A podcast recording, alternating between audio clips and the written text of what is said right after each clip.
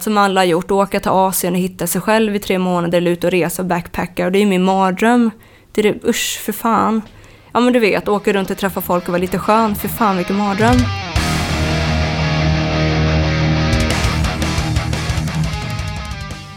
Då har jag det stora nöjet att hälsa dig varmt välkommen till avsnitt 113 av Rockpodden. Idag ska vi träffa en mycket, mycket intressant person. Hon var med och grundade Honeymoon Disease och det är ju verkligen ett band som jag tycker har satt färg på svenskt musikliv de senaste åren. Nu för tiden så har hon också en hel del andra spännande projekt på gång och eh, allt det där kommer vi såklart att ta upp tillsammans med en himla massa andra grejer. Och en del svets. Du lyssnar på Rockpodden. Anna Skogö är dagens gäst. Jag heter Henke Branneryd och jag önskar dig en god lyssning. Premiumfredag. Och det kommer bara fortsätta. Ja, men ska vi säga skål? Ja, skål. Och så kör vi direkt bara. Ja, Ja. all right. Skål säger jag med Anna Skogö. Hej hej. Sitter på Saddle and Saber igen. Jag har faktiskt spelat in åtminstone två avsnitt här förut. Mm, ja men det är en schysst lokal, cowboy. Med Tobias Egge och med eh, Johannes ifrån Hawkins. Mm. Hur är det med Anna Skogö idag? Eh, Anna mår bra, lite trött. Har varit på svetslärarmöte hela eftermiddagen. Svetslärarmöte. Ja, Det är ganska metal alltså. ja det låter kanske sexigare än vad det är. Eller inte. Men du är svetslärare? Ja, precis. Så ehm, rent privat så jobbar jag som svetslärare och är en total svetsnörd. Eh, så varje år då, jag sitter med i en projektgrupp för Svetskommissionen som jobbar att eh, ta fram det här eventet då som vi har en gång om året. Så det är hela landets eh, svetslärare då som möts och har konferens i två dagar. Och det är det jag har haft nu. Svetskonventionen, vad sa du att det hette? Kommissionen, precis. Svetskommissionen såklart. Ja, Ja, precis. Ja, det vad mycket saker finns i samhället. Ja, jag som, vet. En helt annan värld. Det är liksom det stora organet då för, Ja. för branschen, svetsning. Ja, jag så jag har nästlat mig in där och sitter med lite där. Så det, det är kul. Men vad svetsar du för något när det är som roligast? Uh, gud vad nördigt. Ehm, min favorit eh, är ju Ja. då rostfritt och lite olika duplexa material så. Eh, så jag speci- specialiserar mig inom det då, eller så här metallurgi Mm. och ja, olika metaller typ. Eller så här. Men det är sällan man får chansen att prata om det, för det är inte så många Prata som på bara. inte så många Kan inte lova att jag inte klipper bort det. Nej, jag skojar. Ja, precis. Nej, men så, så är det. Så varit konferens hela dagen idag och nu eh, sitter vi här. Ja, det gör vi. Och inte får prata svets egentligen. Nej, sen får jag gärna flika in det. Ja. Vi ska väl prata rock'n'roll antar jag. Ja. Ja. Eh, Ska du... Hur mycket kan du berätta om vad du gör nu för tiden? Eh, jag kan absolut berätta. Jag kan Mm. eh, börja med att jag har förberett med lite klistermärken här och en patch. Yes! Så ska vi se. Här har vi en läderpatch. Och så har vi tre stycken klistermärken här då. Sjukt snyggt. Tack. Eh, Så, och sen får du välja ut eh, vilken som blir en liten present då till nästa artist. Ja, men det blir ju en läderpatch Ja, såklart. den är skitsnygg. Den är lite liten tyvärr, så nästa Ja, eh, men- beställning blir kanske lite större. Så. Genuint läder. Precis. Ja, och på de här grejerna så står det Acid Strip. Ja. Inte Honeymoon Disease. Nej. Nej. Vill du börja med att berätta varför det står, eller varför det inte står? Eh, ja, nej, men det kan vi absolut göra. Vet Ja. för de som inte eh, känner till mig sedan tidigare då, Ja, eh, så är jag gitarrist i Honeymoon Disease. Och det är eh, ett rockband som bildades i Göteborg. Eh, och vi kommer väl prata ganska mycket om det också. Men just nu i nuet så spelar jag i ett annat band då eh, också som heter Acid Strip. Och det är ett helt nystartat rockband. Eh, som är fortsättningen på Honeymoon Disease fast lite mörkare kanske då. Ehm, ja, så vi har tryckt upp lite merch och sånt där nu och börjat dela ut lite. Och när får vi höra det här? Eh, så snart som möjligt. Jag är så jäkla ivrig. Så vi ska spela in nu i februari. Och sen så ska vi spotta ut grejerna då i eh, mars-april förhoppningsvis. Men det är du som är Acid. Ja, Du kallas för Acid. ja, Ja. precis.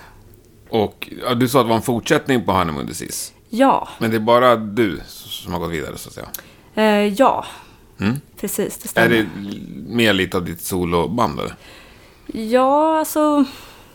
Det man kan säga är väl det att um, Honeymoon Disease är väl lite grann på låg fart nu då. Eh, och sen så tänkte jag så här att antingen så går jag in helt och hållet i svetsvärlden och blir uppslukad av det då. För det är mina passioner i livet, hårdrock och svets. Det är det enda jag tycker om, det enda jag gillar. Helt underbart. Ja, men samtidigt tänker jag så här, liksom att det är som yin och yang. Ifall det blir för mycket svets så blir man ju lite mer autistisk åt det hållet. Och blir det för mycket hårdrock så blir det lite för autistiskt dit. Så jag gillar ju blandningarna. Mm. Så då tänker jag, ah, vad fan, jag kör mitt egna här nu då, för jag har ju hur mycket material som helst, hur mycket riff som helst som måste komma ut. Så då startar jag Assist Trip som blir mitt soloprojekt, fast vi blir mer som ett band då. Så det är inte bara jag som är eh, diktatorn, utan det blir eh, eh, lite blandat så. Vilka är med med? Eh, jag har tagit in en trummis som heter Rickard. Rickard Höök. Uh, kallar honom för Rockad. Eh, ja, jag vet. Från Göteborg. Ja. Mm, Sorry. Ja, precis. Sorry. Eh, så han är med på trummor och han är en gammal garagerockkille. Och vi känner inte varandra sedan tidigare. Och jag har testat massa medlemmar nu då till det här nya projektet och inte riktigt känt att det har klickat. Och jag vill inte heller ta in för uppenbara medlemmar som redan är med i svängen för då blir det samma gryta om och om igen liksom. Utan jag vill ha någonting nytt. Eh, och någon som utmanar mig framför allt. Så då tog jag in Rickard. Ehm, och jäklar vad han lirar. Härligt. Ja, han är så jävla kreativ och han spelar gitarr och det är olika riff och det är liksom en helt annan synvinkel. Så jag måste ju tänka på hur jag lirar för att anpassa mig till honom och inte tvärtom. Och det är så jäkla roligt. Så han är med och nu har vi tagit in en till basist. Eller en basist som eh, kommer komma fram då inom en vecka eller två. Ja, det där såg jag. Han var Ja. blurrad på... Ja, precis. Och så kände jag mig som de här som drog på nylonstrumpor på tv-apparaterna. För det, det- stod någonting att klicka för att ta Ja, bort blurret. Så ja. bara, ja men det är klart inte det funkar. Ja. Men jag satt där och tryckte i alla fall. Ja, vad roligt. Ja, men precis.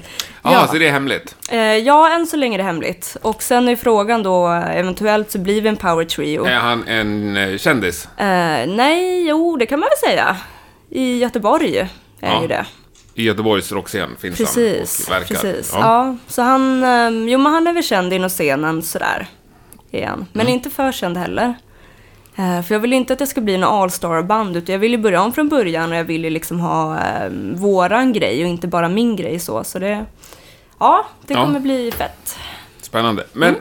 eh, ja, men vi betar av han under sist så kan vi släppa Ja. det och sen gå vidare. Ja, absolut. Eh, Du sa att det ligger på is. Är det det det gör? Jag kan inte, ja fan. Vi har inte gått ut med någonting officiellt. Eh, och det gör jag inte nu heller egentligen. Nej. Fast jag kanske pratar om det. Men ingenting officiellt. Ingenting är hugget i sten. Men det tror jag de flesta listat ut att det gör det väl. I princip. Eh, och anledningarna till det är eh, många. Som det brukar vara för många band. Eh, men vi kommer inte vara så aktiva den närmsta tiden i alla fall. Ehm, så som det har varit. Det har varit extremt intensivt de senaste åren. Ja, shit vad ni har kört. Ja, fy fan. Så ehm, just nu är väl det lite grann på is, så får vi se vad som händer helt enkelt. Men tror du att ni kommer stå på scen ihop igen? Um, vågar inte svara på det. Vill du att ni ska stå på scen igen? Eh, ja, jo men jag älskar ju mitt band. Ja. Jag älskar ju mitt band. Jag är ju Hanna Mundicis. Eh, bara lite kort då. Det började med att jag och Jennifer startade bandet. Och det var för att, ja vad kan det ha varit, 2014, någonting sånt där. Eh, jag var helt uppslukad av svetsvärlden. Eh, hade bara det i hjärnan. Eh, skulle åka ut till norska oljeplattformar och svetsa då. Var helt inne på titan och den grejen och skulle bara ut och du vet så här. Så min plan var att lämna Göteborg och bara helt isolera mig, så att total autistiskt. Ja. Så här. Eh, och sen som jag vet. Men sen Älskar det! Ja, herregud. Underbart. Ja, kör. Och sen kom eh, Jennifer fram till mig en eh, blöt kväll eh, på truckstop och ehm, hon tog mod till sig för hon tyckte att jag såg så, inte farlig ut, men som person är jag ganska introvert sådär liksom. Så jag är inte den som utstrålar, hej kom och prata med mig, utan jag håller mig för mig själv så. Eh, Men hon kom fram till mig och sa att hej du är cool, vill du spela gitarr? Och då tänkte jag ja, det kan väl Ja, göra. hon visste att det kunde i alla fall. Ja. Ja, hon hade hört ryktesvägen sådär, att någonting är det sådär. Tänkte jag, ja det kan väl göra. Så hoppade med i hennes dåvarande band, Thrill Warriors. Gjorde ett gig, bandet la ner. Eh, hux flux. Så då hade jag fått lite mer smak då av, av bandgrejen. Och jag har ju lirat musik i hela mitt liv, men aldrig på den nivån. Sådär liksom. Eh, så då beslutade vi att vi startade ett nytt band, hon och jag. Och då startade vi Honeymoon Disease. Eh, på ett villkor från min sida. Och då var det att det ska bli Sveriges främsta rockband. Vi ska turnera Europa runt och vi ska släppa skivor på ett stort skivbolag. För att det ska bli värt att släppa svetsen då och starta någonting annat. Eh, Så det var mina krav från början. Sveriges största rockband. Ja, det var, det var det som var målet. Ja, det är bra mål.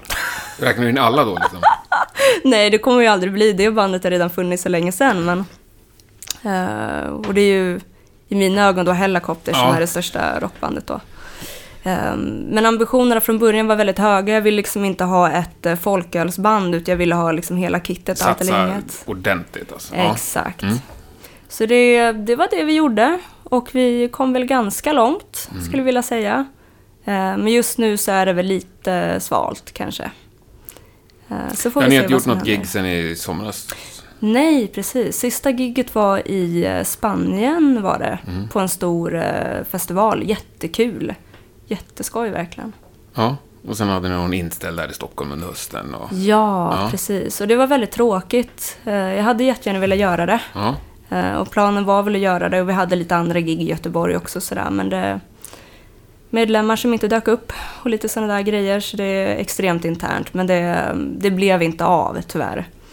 Eh, Så eh, ja, det kanske kommer i framtiden. Mm. ja, det är många som hoppas.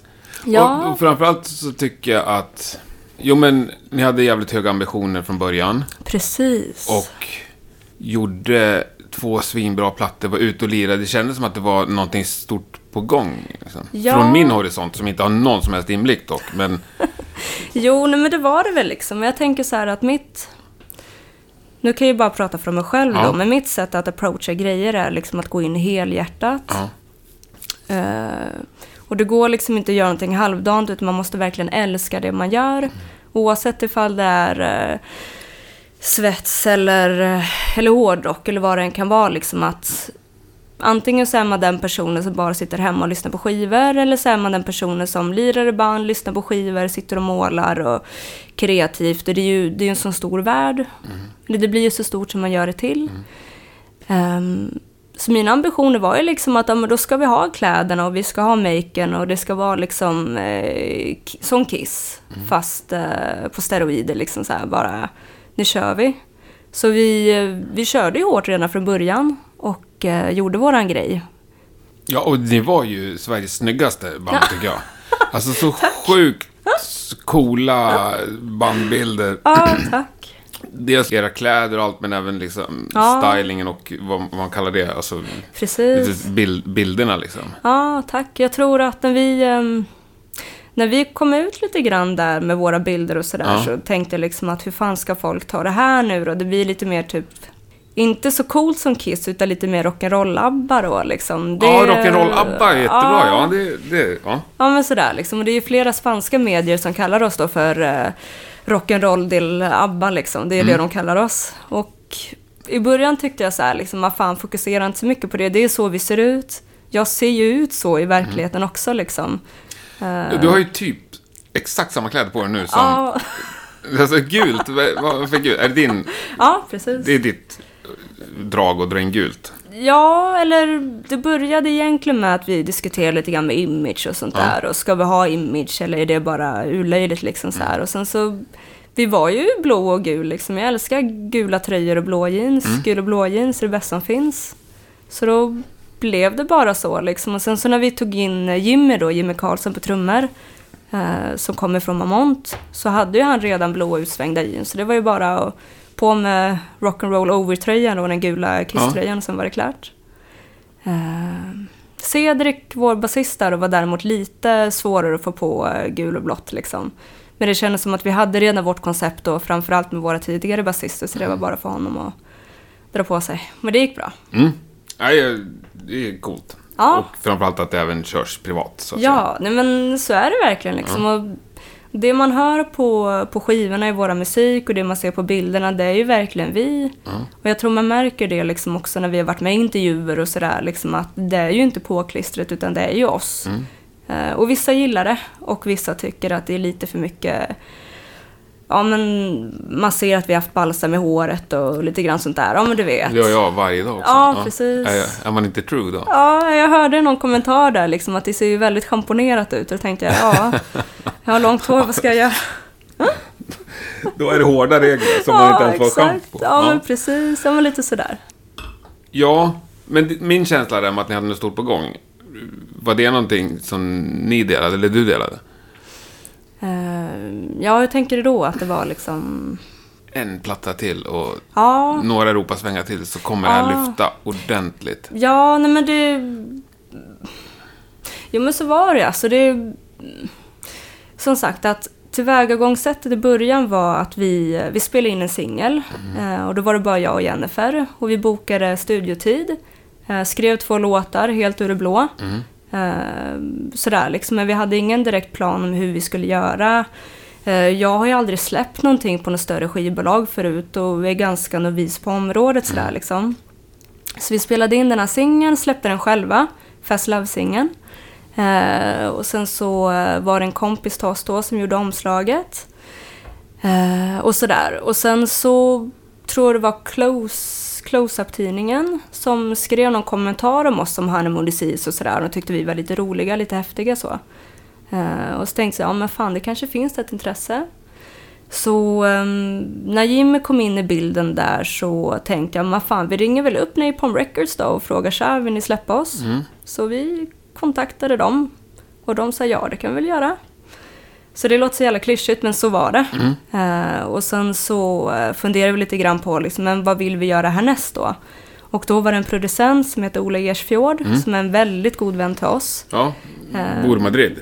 Ja, precis. Eh, han såg oss på vårt andra gig som vi gjorde på eh, The Leafy, eller Leafy, eller vad det heter i Stockholm. Um, någon pub. Eh, det var katastrofgig, det var skitdåligt. Eh, och vi hade en extrem ovana på scen, liksom. det var bara katastrof, vi lirade fel och det var liksom lite spinal tap över det hela. Liksom. Eh, och det fina var att Deadlord-killarna stod längst fram och hejade på oss. Kom igen nu liksom så här. Så vi genomled det gigget så. Och sen så stod det en kille längst bak som var kompis med Olle från Deadlord. Eh, Ola. Eh, han stod längst bak och så gick han fram till oss och sa ändå så här, fan ni har någonting. Kan inte riktigt sätta fingret på det, men ni har ändå någonting. Eh, så då frågade vi, vad gör du på fritiden då? Är jag producent? Jaha, vill du göra våran skiva? Ja, det kan jag väl göra, sa han då. Eh, så då slutade det med att vi började planera skivan och då behövde vi göra låtar till det då. Mm. Så då började vi göra parallellt låtar under tiden vi funderade på hur skivan skulle vara. Eh, och sen så, ja det är som en godisbutik liksom. Det finns ju inga limits utan det blir ju så stort som man gör det till. Eh, så jag kontaktade Nicky Andersson i Helicopters. Eh, skrev till honom och Ehm, frågade honom ifall han ville producera oss också och hjälpa oss framförallt med låtmaterialet och eh, ja, men sprinkla lite strössel på oss och hjälpa oss vidare med tanke på att vi har ingen jävla aning om vad fan vi håller på med. Ehm, så jag vet inte ifall det är min övertalningsförmåga eller vad det är, men han tackar ja till det med. Så rätt som det var så hade vi Napalm Records på tråden, vi hade Ola Ersfjord eh, och vi hade Nicke. Så då eh, gjorde vi skivan ihop och släppte den. Ehm, det blev skitbra med tanke på förutsättningarna. Ehm, men det är ju en första skiva så den saknar mycket också men det är ju, ja. Ja, men det är ingenting du behöver skämmas över. Någonsin. Nej, absolut inte, absolut inte. Eh, sen gjorde vi ju mycket material själva, men precis som många andra band så kan det vara svårt eh, precis i början när man satsar så högt, liksom så här, vilka är vi och hur ska man göra allting och hur, hur bär man sig åt? För jag är absolut inte en teknisk person som sitter hemma med en extrem hemmastudio, utan ja, kreativ själ som gärna ber om hjälp och plocka lite här och plocka lite där. Mm. Ehm, så så är det. Ja, men schysst. Ja, Var det något så här tillfälle när du kände att nu jävla satsar vi. Det här är inte många band som gör. eh, ja. Ja, men så kände jag ändå. Vi... ehm, det här är absolut ingen, ingen skrytgrej, utan jag berättar Nej. bara precis som det var. Det, är- det är dagens sanning. Ja, jag tror det. Eh, vi pratade med Napalm och med tanke på att vi hittills då, framförallt jag då när jag slängt ut alla krokar, hade inte fått ett direkt nej. Vi har ju fått många dörrar stängda, men det beror ju på hur man ser på det. För mig är ju en dörr aldrig stängd, utan det är bara frågan på vilket sätt man kan öppna den. Så jag tar ju aldrig ett nej. Det existerar inte i min värld, utan hör man ett nej så hör jag ett kanske. Och då får jag jobba på ett annat sätt för att få det jag vill ha. Eh, så till sist då diskuterade vi med Napalm och jag sa det att vi har Nicke med oss, vi har Ola med oss, vi är Sveriges snart största rockband, det finns inget annat band som oss. Eh, Vi vill ha 80 000 i skivbudget. Och det fick vi. Så då bokade vi Musicamatic i eh, Göteborg. Eh, tog med Ola in i studion för vi ville ha honom spela in eh, skivan där då. Eh, och även bitvis i Nickes studio. Och då kände väl jag någonstans där liksom att ja, varför inte? Vill jag till USA och göra tre turnéer så gör jag det liksom. Det beror bara på hur hårt jag vill och jobba för det. Sådär liksom och ifall den här skivan skulle floppa nu då och det blir inte så vi har tänkt oss, det gäller bara att göra på ett annat sätt så man får det man vill ha. Sådär liksom, utan jag ger mig aldrig. Eh, Så då tänkte jag att ja men det är nog fullt möjligt, det går. Så det är väl det mottot jag har i, i princip allting jag gör. Vill jag det så gör jag det. Men frågan är bara hur lång tid det tar då. Eh, Är det samma inställning med Acid Strip? Ja, Ja, du precis. ska också bli störst. Ja, fast... Gud vad tråkig låt. Jag fyller 30 nu i, eh, under julen. Grattis. Eh, ja, tack. Så det är så lite modellmognare kanske. Ja, Eh, inte fullt lika naiv som tidigare. Och när dörrar stängs så gör det kanske lite ondare än vad det gjorde förut så liksom. Eh, men glöden finns där och målet är väl... Jo, men jag har några Europaturnéer kvar i mig och jag vill till USA, jag vill spela på Psycho Vegas, jag vill Eh, släppa två plattor till och bara ut och lira liksom och leva mitt liv. För jag känner att det behöver jag.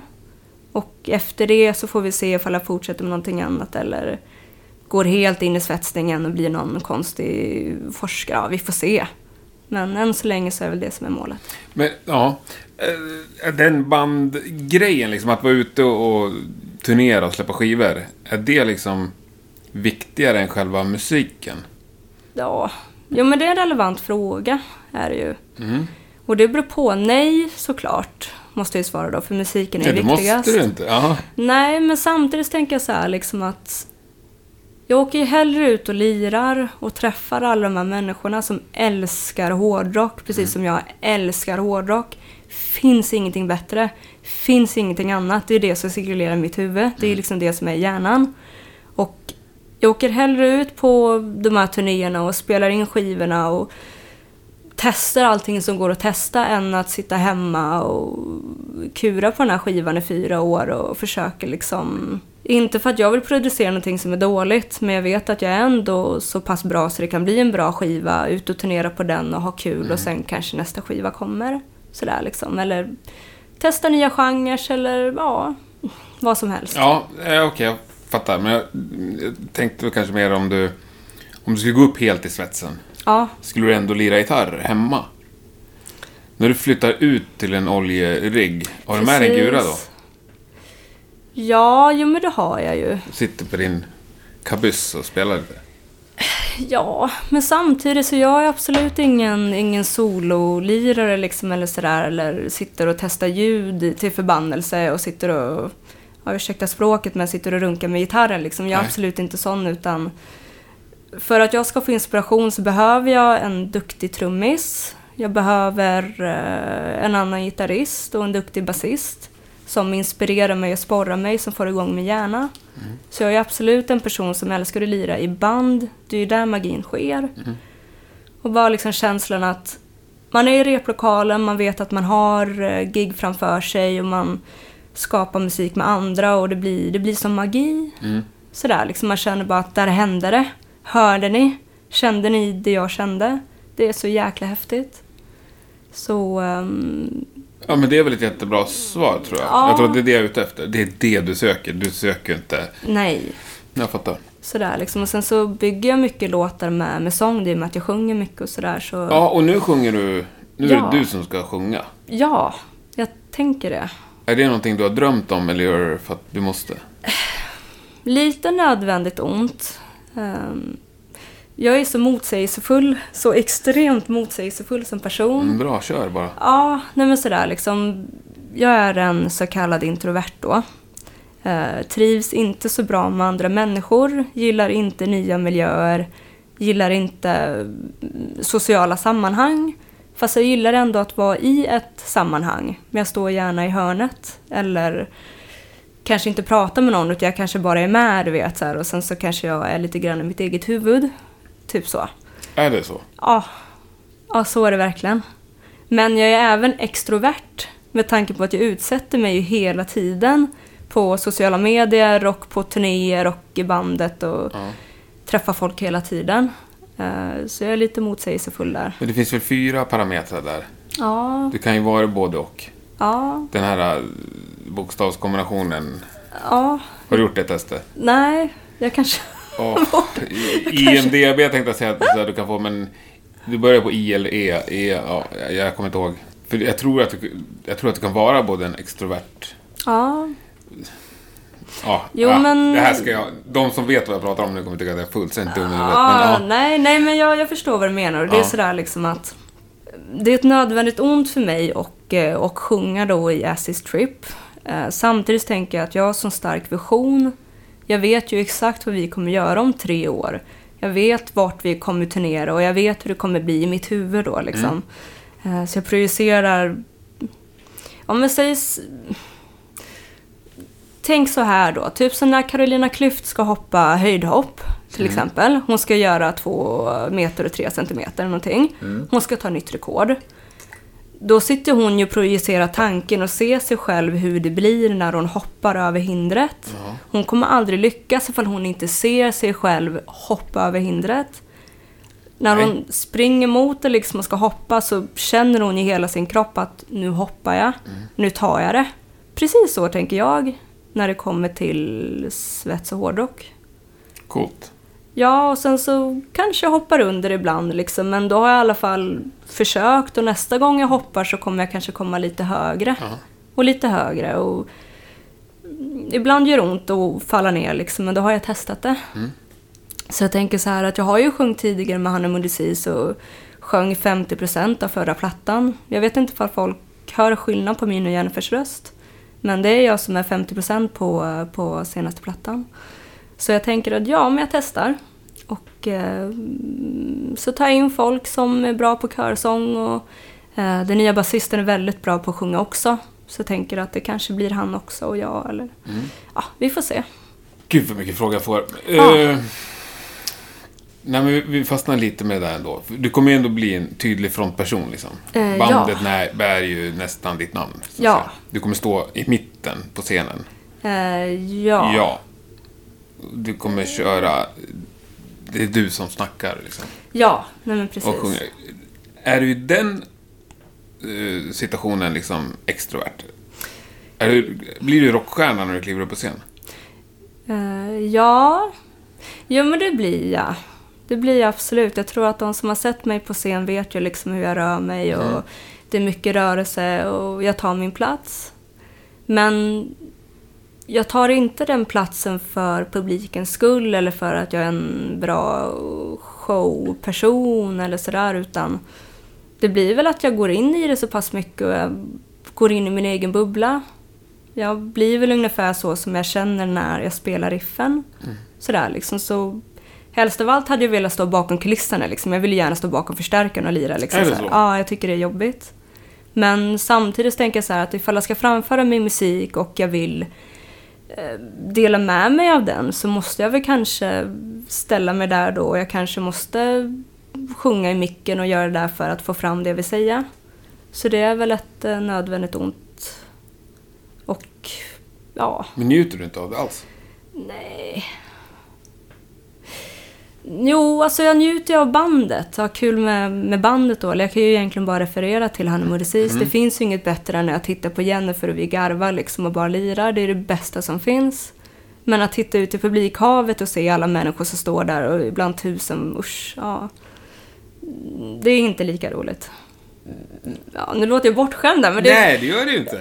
men det är väl klart det är kul att stå på scen, men absolut inte för att folk ska titta på mig. Nej. Gärna så hade jag liksom stått bakom stärken och lirat Du liksom. inte hur känner du när liksom, de här tusentals bara skriker liksom? Efter avslagen låt.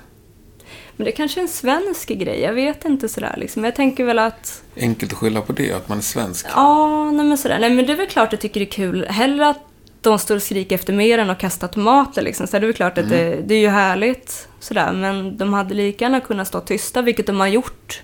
Så många gig som vi har gjort och folk bara står. Och så vet man inte, är det för att de är helt golvade eller är det för att de tycker det suger? Men i och med att folk står kvar så får man räkna med att de ändå tycker om det de ser. Nej, så jag tycker det är roligare att vara i replokalen än på scen. Det tycker jag. Är det på riktigt sant? Nu Det- ifrågasätter jag egentligen inte dig, men jag tycker Nej. ändå att det låter orimligt på något sätt. Varför tycker du det? Nej, om du är en sån person som säger själv att du har ambitionen, du ser framför dig vad som ska hända om tre år och du, jag ska ha Sveriges största rockband liksom. Ja, Det låter inte som en replokalsperson, det låter ju som en scenperson. Ja, alltså jag är ju väldigt motsägelsefull på många plan. Och det betyder ju inte att, att jag inte är sann i det jag säger, utan det är motsägelsefulla känslor liksom. Utan varför jag vill turnera är ju för att mm, jag vill ju ändå nå ut. Och själva turnerandet i sig kan vara väldigt kul när man är med sitt band och man får se grejer och bara som en sån sak, liksom käka lunch i Paris. Det gör man ju inte på en torsdag vanligtvis. Liksom sådär. Men det kan man göra med bandet då ifall vi ändå är där och lirar för att vi är ute på turné. Så jag gör ju otroligt mycket när vi är ute och reser. Ser alltid till att komma upp tidigt, gå gärna ut och springer. Ja men ta den där lunchen då liksom i Paris för att jag kanske dör imorgon. Sådär liksom. Eller bandet kanske tar slut imorgon, det vet man ju inte. Sådär liksom. Och då... Så den biten njuter jag av. Jag älskar att träffa folk privat så när man är ute och lirar eller träffa Typ som vårt management i Spanien, älskar att hänga med dem och när det är äkta. Sådär liksom. Jag gillar inte stå på scen och folk står och skriker efter, efter acid. För de vet ju inte vem jag är, utan de har ju en illusion av vem jag är. Sådär liksom. Så att det är väl klart att det är kul att det är uppskattat, men det är ju det är ju inte det som jag älskar med att vara ute på turné, liksom, utan det är ju det andra som jag tycker är kul. Men typ Främst. stå i merchen efteråt och skriva någon autograf och... Ja, jo, men det tycker jag i och för sig det är kul. Fast det är inte kul med... Det kan vara kul. Roligast är när det kommer fram eh, framförallt tjejer efter eh, konserter. Vi har fått mycket... Med Honeymoon så har vi fått mycket, mycket tjejer i vår fanbase. Så det är kul när de kommer fram och fan vad kul att se er ikväll och jag blir så taggad och jag lirar också i band och kan du ge mig några tips att komma vidare eller eh, vad det än kan vara. Så det, det är skoj.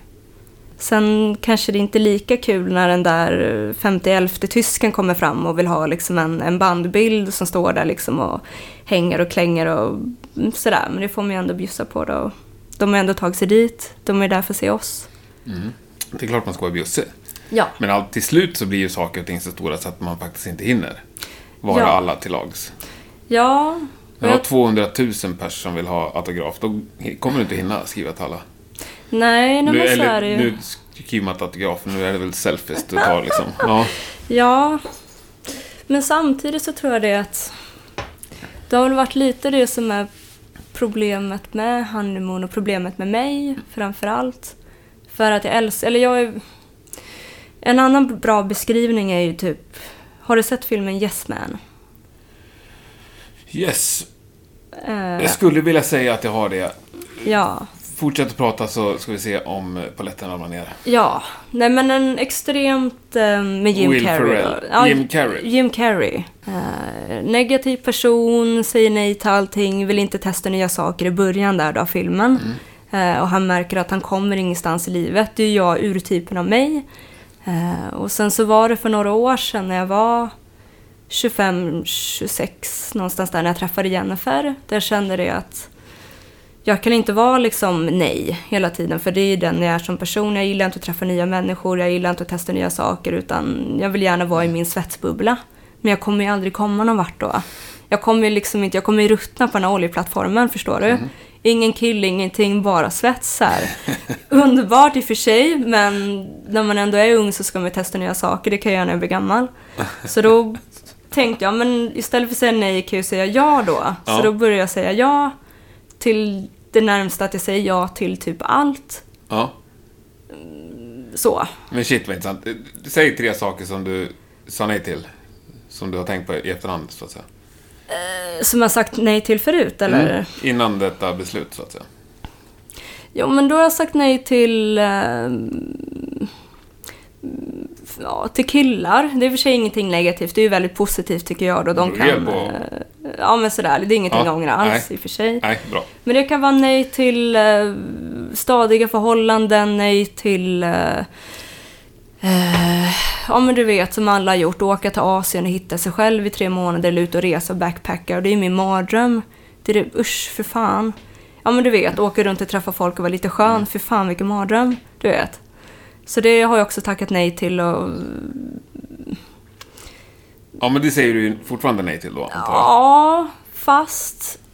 Jag hade sagt ja ifall, eh, ifall någon vän hade frågat mig, i och med att jag aldrig har gjort det. Så hur fan kan jag säga nej till någonting som jag aldrig har testat?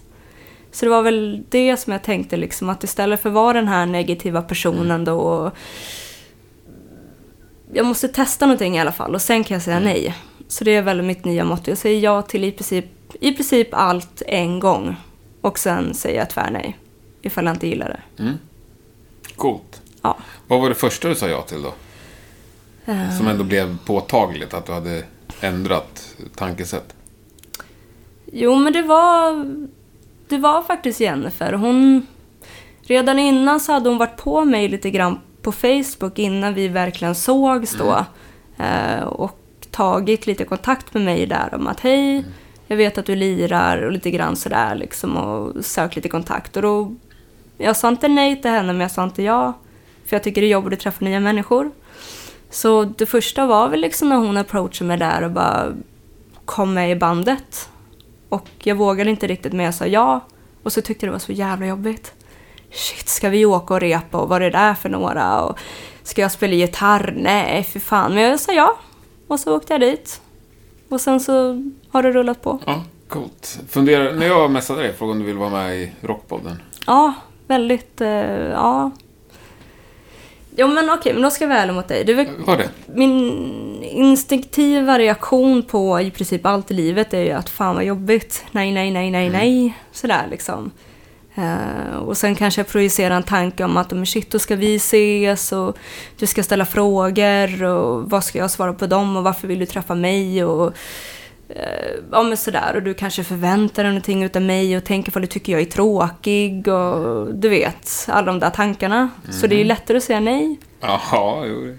Sådär liksom. Ja. Uh, men jag säger ja. Fan vad kul, det är väl klart och sen så dra mig i kragen och släpa mig själv några gånger och bara gör det. Det blir, det blir bra. Mm. Det blir kul.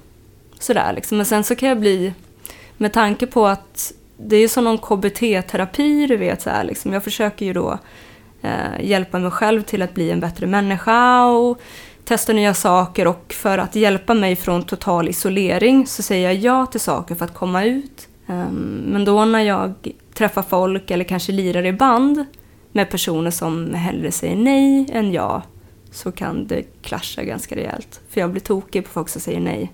Um, så. Du vill omge dig med folk som säger ja? Um, ja, fast de ska säga ja av egen vilja. Inte för att det är det jag vill höra. Um, och med tanke på att ett nej kommer aldrig kunna öppna en dörr, men en ja kommer kunna öppna en dörr då. Så i och med att mina ja till saker och ting har ju lett mig dit jag är idag. Så när folk säger nej till mig så är ju inte det ett nej utan det är ett kanske som blir ett ja. Men negativa människor eller folk som kanske är rädda för saker eller som inte vågar testa saker, då kan jag bli vansinnig eh, på dem. Du kan känna för att coacha dem lite då? Om du ändå har gått igenom det själv så att säga. Jo, men det kan väl göra. Det gör jag ju hela tiden, framförallt i... eh, Jag då som, som svetslärare. Nu knyter vi ihop säcken här. Knyt ihop bara.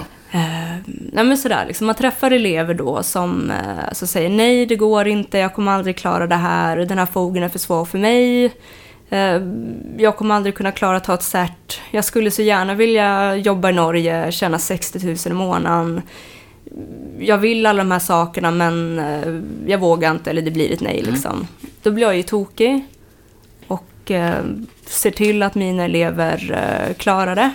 Och att de kommer in i samma mindset som mig, att de kan komma hur långt de vill.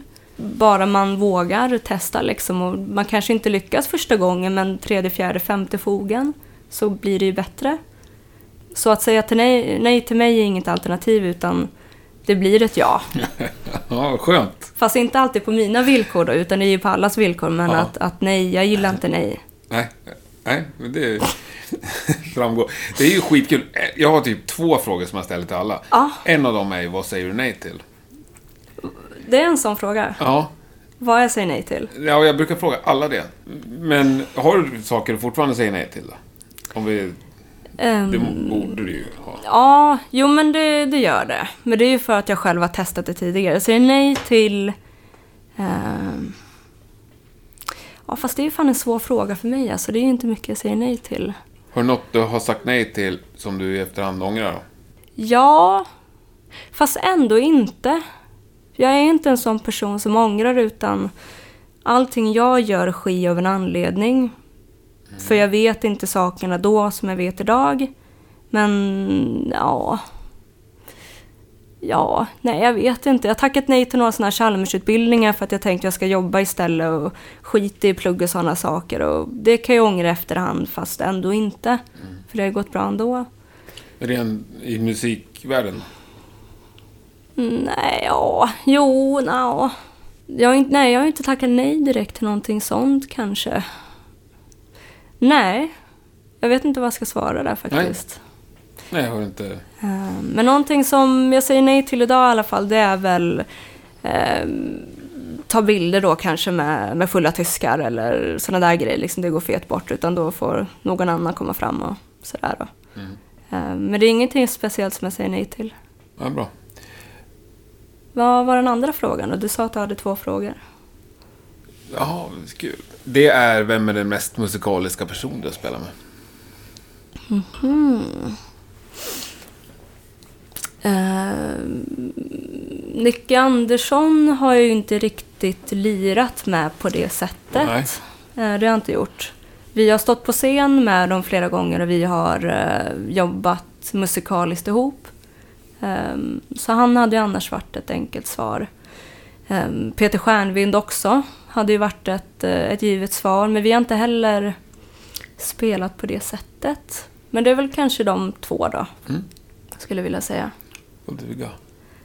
Va? Det får duga alltså. Ja, Nicke har svar på den här frågan förut. ja säga. precis. Men inte Peter Stjärnvind tror jag. Nej, nej men jag gillar Peters sätt också att approacha grejer. Liksom. Han var ju också eh, involverad i Honeymoon Disease när vi väl drog igång. Okej. Och sådär liksom. Och vi har haft väldigt tajt kontakt. Och, ja, men tänk dig alla band han har varit med i. Allting från Ifelheim till ja, men liksom allt, du vet. Ja, Och- herregud. Ja, nej, men sådär. Tung Och, och Void tycker jag är skitbra. Tycker, Ja. Senaste Void tycker jag är svinbra. Ja, nej men precis. Jag menar, han är precis som Nicke, liksom går från dödsmetall till, eh, till hårdrock till rock och liksom kan göra alla de där grejerna med integritet. Sådär liksom. Och han är ju inte heller en person som säger instinktivt nej. Utan han tar ju också an utmaningar sådär liksom. Och, Ja. Men du, eh, nu då, Acid Strip. ja, Ribban ligger lika jävla högt eller högre. eh, ja. Jo, men det gör det. Fast det är inte liksom... Målet här är ju inte... Vi har ju gjort så mycket i Hanmo Disease, så jag känner mig ganska nöjd med det ändå. Eh, målet blir väl att liksom göra fortsättningar där och ta sig till Psycho Vegas och kanske göra det mm, med lite andra synvinklar, kanske. Men ribban är ju väldigt hög, det är den ju. Helhjärtat eller inte alls. Och hur tänker du liksom göra då? Har du något, inte delmål, men har du någon plan för det? Eh, ja, Hur ska du ta dig till Psycho Vegas? Ja, men det har jag. Berätta lite då. Gud, det här kommer att låta jätteknasigt. Nej. Nej. Ja, men till exempel så här då. Liksom, man kan ju göra det på, på olika sätt. Um, är det någonting som jag har lärt mig av hela honeymoon karusellen så är det väl att kanske ta det lite lugnt med skivbolag och inte blanda in så mycket management och mm. kanske vara lite mer noggrann med vilka man släpper in. Uh, för att har man startat samarbeten och kanske släppt lite grann på kontrollen så kan det bita en arslet efteråt. Sådär liksom att det finns andra intressen som gör att man inte kan göra som man vill. Eh, ekonomiska intressen till exempel.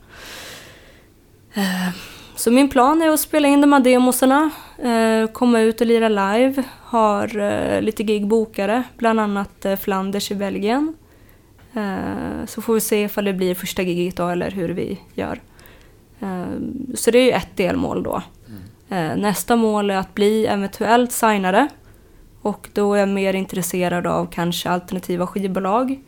Typ som Dice Magazine som är en stor hojtidning då som även har skivbolag. För jag älskar hojar, bygger själv hojar. Så det hade jag tyckt varit fett. Eller göra någonting alternativt då liksom, och inte bara det klassiska jaga Napalm Records eller jaga något annat skivbolag utan... Eh, du skulle säga nej till Universal eller Sony eller? Det beror lite på. Ja, det hade jag nog gjort. Ifall det blir en deal på fyra skivor, äger inga rättigheter, ehm, får 20 000 skivbudget och de äger musiken och vill de inte spela in mer så har de makten att säga nej och då dör bandet. Eh, tyvärr ser ju många skivkontrakt ut så. Eh, att skivbolaget äger rättigheterna. Och vill de inte släppa någon mer musik så blir det ingenting mer utan då måste man ju vara kvar där. Då. Mm. Ehm, så det hade jag nog gjort, tror jag. Men hade Universal ett av sig med världens stil eller bara en skiva eller lite schysstare så, det är väl klart, då hade jag ju tackat ja, eventuellt. Um, men då är jag ju hellre Dice eh, Magazine-grejen då som kanske inte genererar så mycket pengar men det kanske blir nya kontakter och ny approach på det. Det måste inte vara klassiskt skivbolag utan det kan vara, ja, eller ta The Shrine ifall jag har hört dem. The Shrine? Ja. Nej. Um, ja, rock'n'roll-band från USA, mycket skate, mycket um, alternativt. Mm. De har också gått en annan väg och inte det klassiska um, skivbolag och sen så är man fast där och sen är man i, i beroendeställning till dem utan de har också gått sin egen väg då. Um, så det är lite så jag tänker. Ja, får man ut sin musik på ett annat sätt så alltså, då behövs inte skivbolaget. Precis. Um, men det är ju lätt att sitta här och vara kaxig. Vi får, vi får se vad som händer. Ja, men jag tänker, alltså, du, är ändå, du har ju tänkt på grejerna och du har liksom gjort mm. ett varv redan så att säga. Och ja. lyckats ganska bra med det. Ja, men jag tänker att den här gången så kommer jag inte upprepa de sakerna som blev mindre bra med Hanna Modestis. Jag kommer försöka till förvalta... Exempel? Ja, kan jag inte sitta och outa allting här. Men, Nej, men någonting. Ja, Napalm Records kanske inte var så bra som vi tänkte att det skulle vara.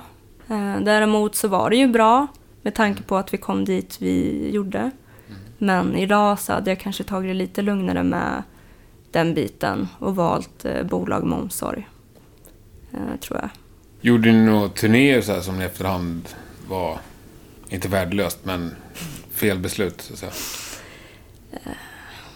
Eh, jo, fast nej. Det tycker jag inte. Alltså man, man vet ju aldrig liksom. Men det var ju som turnén vi gjorde med Death Alley. Det var i, uh, i våras, var väl en. Um, Skitbra turné, jag älskar Death Alley. Uh, Uno Brunjesson då som spelar trummor även i In Solitude och massa andra band då. Uh, det är min barndomskompis. Mm. Uh, vi har vuxit upp ihop i Uppsala så han är en bra polare, en bra vän. Um, så det var ju en dröm att få vara på scen med dem och det var ju mm. en dröm att få göra turné med dem. Liksom. Det var ju skithäftigt. men den turnén var inte jättebra planerad. med bokningsbolag och sånt där då. Det blev en del missförstånd och sånt där liksom. Men det visste jag ju inte då. Eh, så jag ångrar absolut ingenting med den turnén. Eh, utöver scengrejerna kanske man hade velat slippa lite. Ja. Mm. Ja, okay. ja, men är, är det fler misstag som du känner att det här har gjort för sista gången, så att säga? Som du verkligen har lärt dig av? Eller fler, du sa inget. Är det något? Nej, alltså jag tror ju inte på misstag och sånt där. Det låter också jävligt flummigt, men jag, jag tror inte på det liksom. Eller du vet, det finns ju vissa saker som man är klokare på nu, till exempel mm. som att eh, ja men bandmässigt då liksom. Jag kanske hade sagt nej snabbare. Det... Till? Ja, om situationer eller bandmedlemmar eller... Det kan ju vara så här, alltså man, man är på turné ihop. Mm. Um, man stöter på um, saker som är extremt påfrestande. Uh, man lever ihop, man äter ihop och man är så himla utlämnade tillsammans. Uh, och jag kan väl ångra att jag kanske inte har stått på mig lika mycket när det gäller saker eller verkligen litat på magkänslan att det här känns fel. Eller att så här tilltalar man inte varandra eller så här kan man inte bete sig eller det här över gränsen eller vad det än kan vara. Utan det har varit ganska tillåtande till och från vilket har gjort eh, att det vill jag aldrig mer vara med om. Eh, vilket också har varit en, ett problem eh, för Honeymoon Disease. Eh, det kan jag vara ärlig med. Men, så det finns vissa saker där kanske där jag hade sagt nej oftare. Du kanske ser någon slags varningssignaler snabbare? Exakt. Ja. ja, men precis. Vad är annars viktigt liksom? Vad har du tänkt med, när du drar igång ett nytt projekt? Det här mm. är viktigt, det här kommer jag aldrig tumma på. Ja, nej men framförallt... Uh, det som är viktigast är ju musiken. Någonstans är det ju det liksom. Så jag kommer inte tumma på uh, när någon säger till mig att uh, det där riffet är dåligt eller så där kan du inte lira det där är ju inget ackord eller så, så kan man ju inte spela. Det har jag hört väldigt ofta. Um, och jag kanske borde ha lyssnat mindre på det utan gått på känslan. För jag tänker garagerock liksom, det är ju bara djuriskt, det är bara riff liksom och allting är ju tillåtet till viss del. Och det kommer jag absolut inte tumma på. När det kommer till Acid Strip till exempel om två år. Eller att folk tycker att vi tar fel inriktning eller någonting så kommer jag inte lyssna på det. Men det kanske jag hade gjort med Honeymoon Disease. Um, ja. Mm. Typ. Ja, typ. Mm.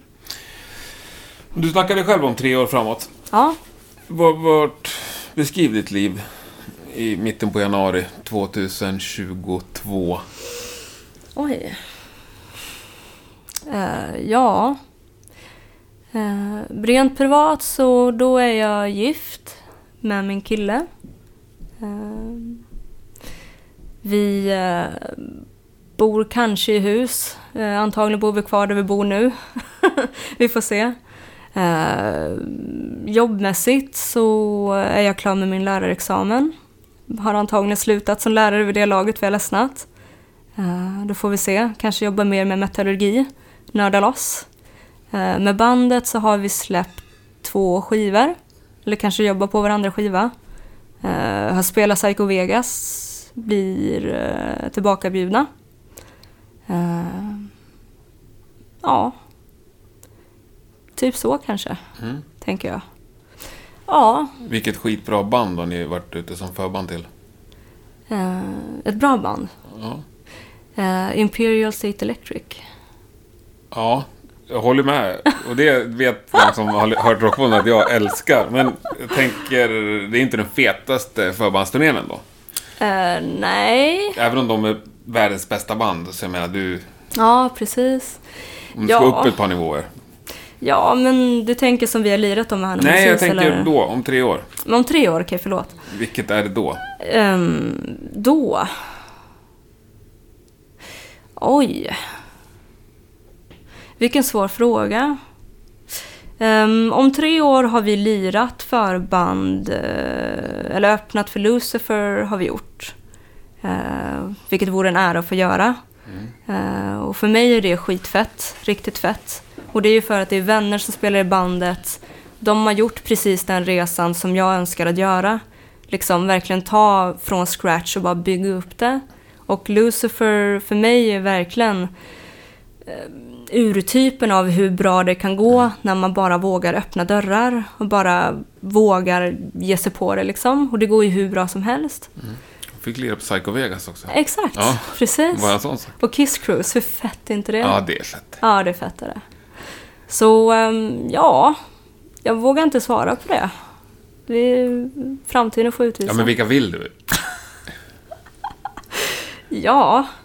Jag skulle inte vilja för, lira förband till typ Rolling Stones eller någonting sånt där. Det Nej. lockar mig inte alls. Det låter bara, känns bara fruktansvärt. Jag vill Mm. inte ut och lira på arenor eller ingenting sånt där. Inte? Nej.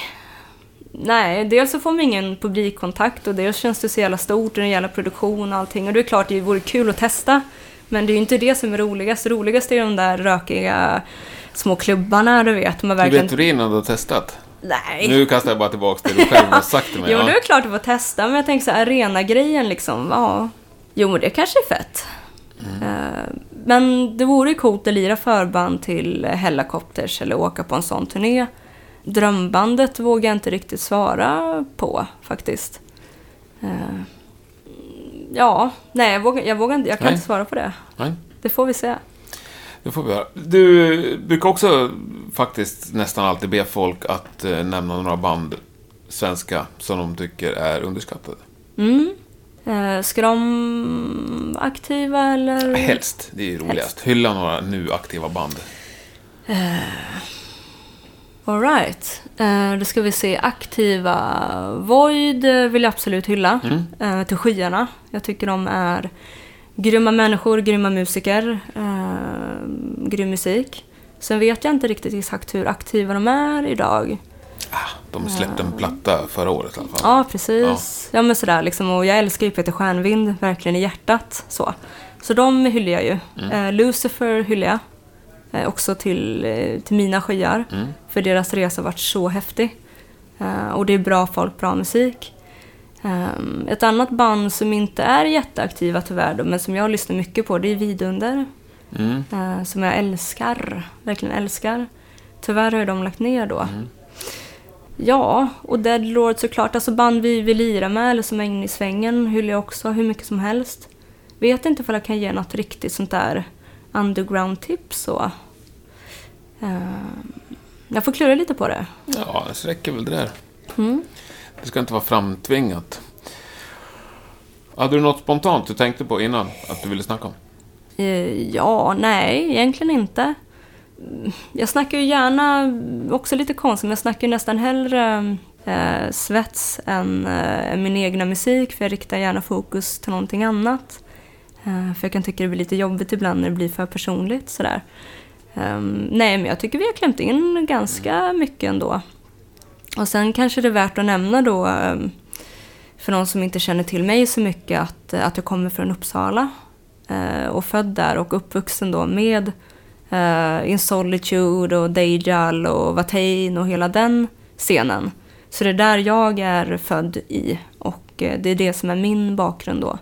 Så ehm, själva rock'n'roll-grejen för mig var absolut inte självklar när, när Jennifer approachade mig. Hej, vill du komma och spela gitarr? Eh, mycket på grund av att jag aldrig har lirat rock'n'roll tidigare. Alltid lirat thrash metal och, och döds. Det är så? Ja, så det är det som är eh, min, eh, min trygga famn. Finns det någon döds att lyssna på, eller trash? Ja, herregud, var ska vi börja? Absolut, det gör alltså, jag. s- som du är med på? Jaha, ehm, ja det är nog lite sämre. Jag var ju så ung då. Mm. Eh, det är nog lite svårare. Det finns typ demoinspelningar, Mm. alltså lokal, ifall det är någon som har det på band.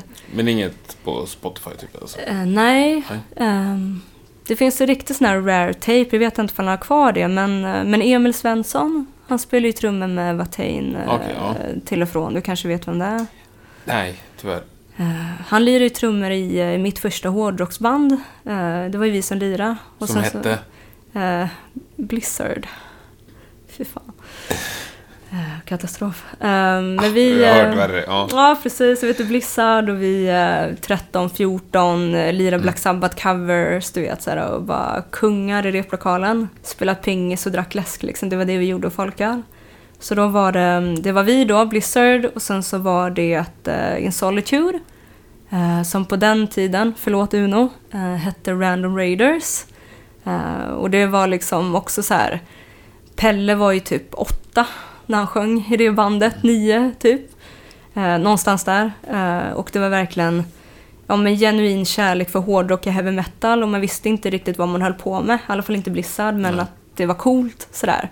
Repa varje fredag, dricka läskbullar liksom, och folköl och sen till sist mer då. Så vårt första gig finns inspelat på något kassettband som Emil har kvar någonstans i gömmorna. Så det skulle vara det mest obskyra då kanske. ja, det, ja, det är svårt. Men du, vad var, vad var det första musiken som gick in i hjärtat på dig liksom? Det var nog Thin Lizzy tror jag. Det var det. Ja, Men ändå blev det döds och trash från början, så att säga. ja. Nej men det var... Jo men det var Thin Lizzy och Budgie som blev mina första... Budgie är bra alltså. Ja, då var jag typ 12. Ja. Någonstans där så hade jag en kompis vars farsa älskade 70-talsrock. Så vi var ju hemma hos hennes farsa varje dag efter skolan och lyssnade på Budgie och allt det där liksom och Blind Faith och massa sådana här eh, band som är väldigt coola liksom. Så det var det som gick in i hjärtat och sen så eh, Ja, jo men det kan jag ändå säga, det är faktiskt en rolig anekdot. Det var mm, när Blizzard repar då, så Emil lirar ju trummor med oss. Men sen började han hänga med en kille som hette Hampus. Eh, som gick på Brantingskolan, ifall jag inte misstar mig, i Uppsala. Eh, den här Hampus då var ju eh, väldigt cool. Han lyssnade på ett band som heter Slayer, som jag inte hade hört tidigare. Eh, och han kände Emil, jag kommer inte ihåg för det var via basketen, det var någonting sånt där, skitsamma. De började hänga och sen startade de ett band som hette Dagel of Embos. Och då började Hampe introducera Slayer och grejer och sen plötsligt så blev det att hela gänget började lyssna mer på eh, dödsmetall och black metal och Uno och de där lyssnade ju också väldigt mycket på det. Så då blev det att vi kom in på det istället. Eh, lite så. Och då blev det liksom Budget, Thin Lizzy och eh, Venom liksom. Det var ju det man... Typ så. Bra blandning. Ja, precis. Kommer du lira döds någon mer gång i livet? Eh, jag hoppas det. Mm. Eh, parallellt med Assist Trip så startade jag ytterligare ett band. Eh, väldigt rörigt. Men eh, jag startade ytterligare ett band som inte är lika aktivt som Acid Trip, men vi repar. Och det är jag, en gitarrist och en trummis till då. Och vi lirar någon form av Merciful Fate dödsmetall, typ. Sjunger du där med? Nej, spelar bara gitarr. Mm. Så vi håller på och repar och skriver riff och sånt där. Och så får jag utlopp för den sidan då, för att den har inte fått komma fram under Hanna Modicis, för det har varit så upptaget med det. Coolt. Vad heter det bandet? Ehm, ja, vi annonsar nog det snart tror jag. Men ni har ett bandnamn färdigt? Ja, vi, vi smakar lite på det. Vi får se. Okej. Ja. Ja. Alltså, det kommer ta några veckor innan det här släpps också. Ja, vi, vi får se. Vi, vi kommer nog komma ut med det snart. Men det är ett väl- riktigt bra bandnamn alltså. Ja, precis. Nej, jag gillar det där 70-tals eh, ockulta liksom och typ som Def SS och sådana där grejer. Det gillar jag jättemycket.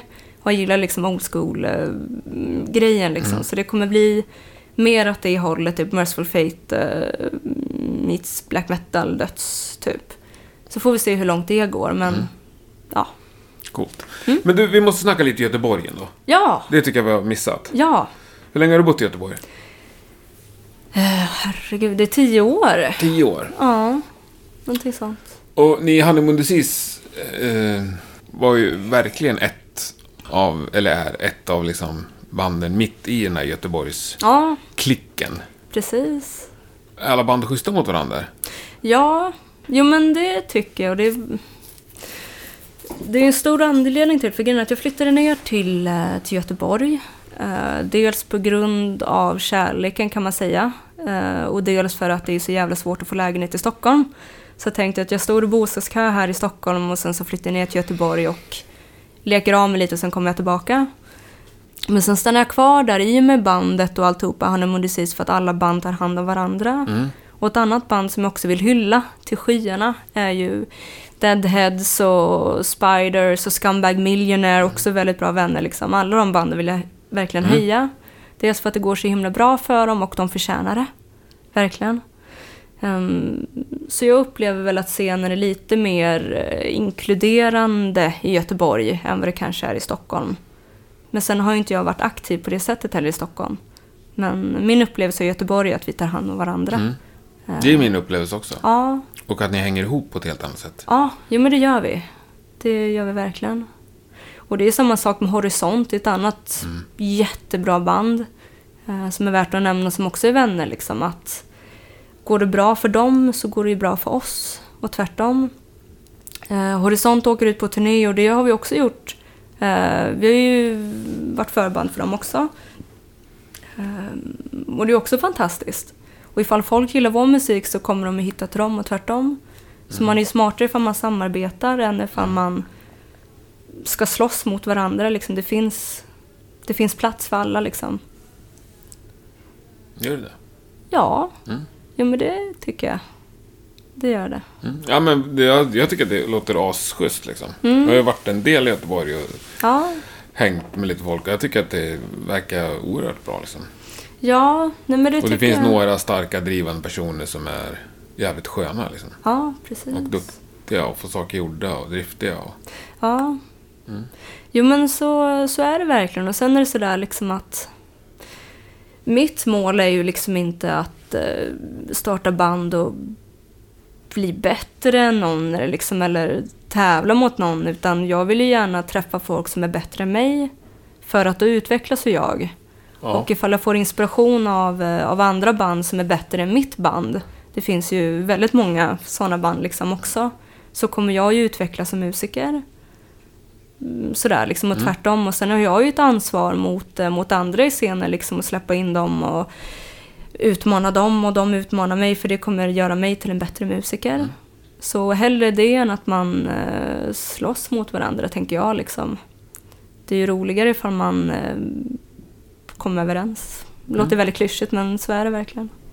Ja, är det, så länge det är sant så får det vara hur klyschigt du vill tänker jag. Ja, Det spelar ingen roll. Det är ju bara skitbra. ja, Det var väl fina slutord?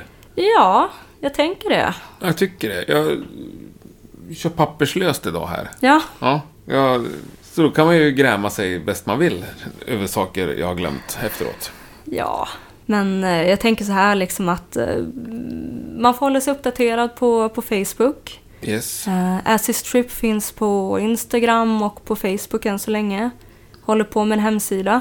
Jag är inte så teknisk då av mig, så jag gör så gott jag kan. Eh, så det kommer komma ut jättemycket information där. Det här är som en smällkaramell som bara...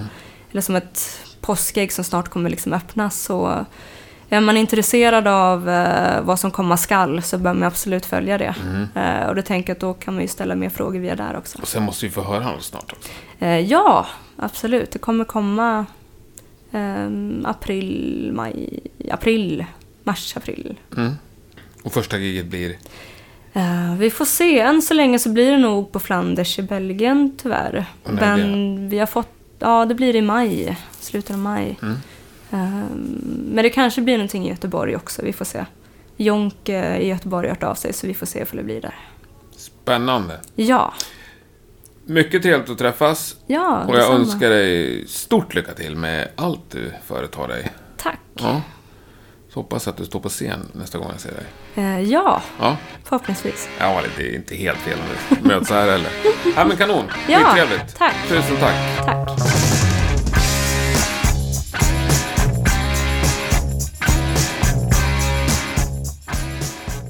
Ja, stort tack Anna. Det där var ju hur trevligt som helst. Även om jag är lite besviken på att du inte hängde med på Captain Murphys återföreningsgig som jag drog vidare på efter det här. Det var sjukt bra och eh, tycker jag alla ni som inte var där eh, kan ångra. Se nu till att leta upp Acids Trip och eh, följ dem så du inte missar när de börjar portionera ut sin musik här under våren. Om du har något mer du vill följa, så varför inte Rockpoddens Spotify-lista?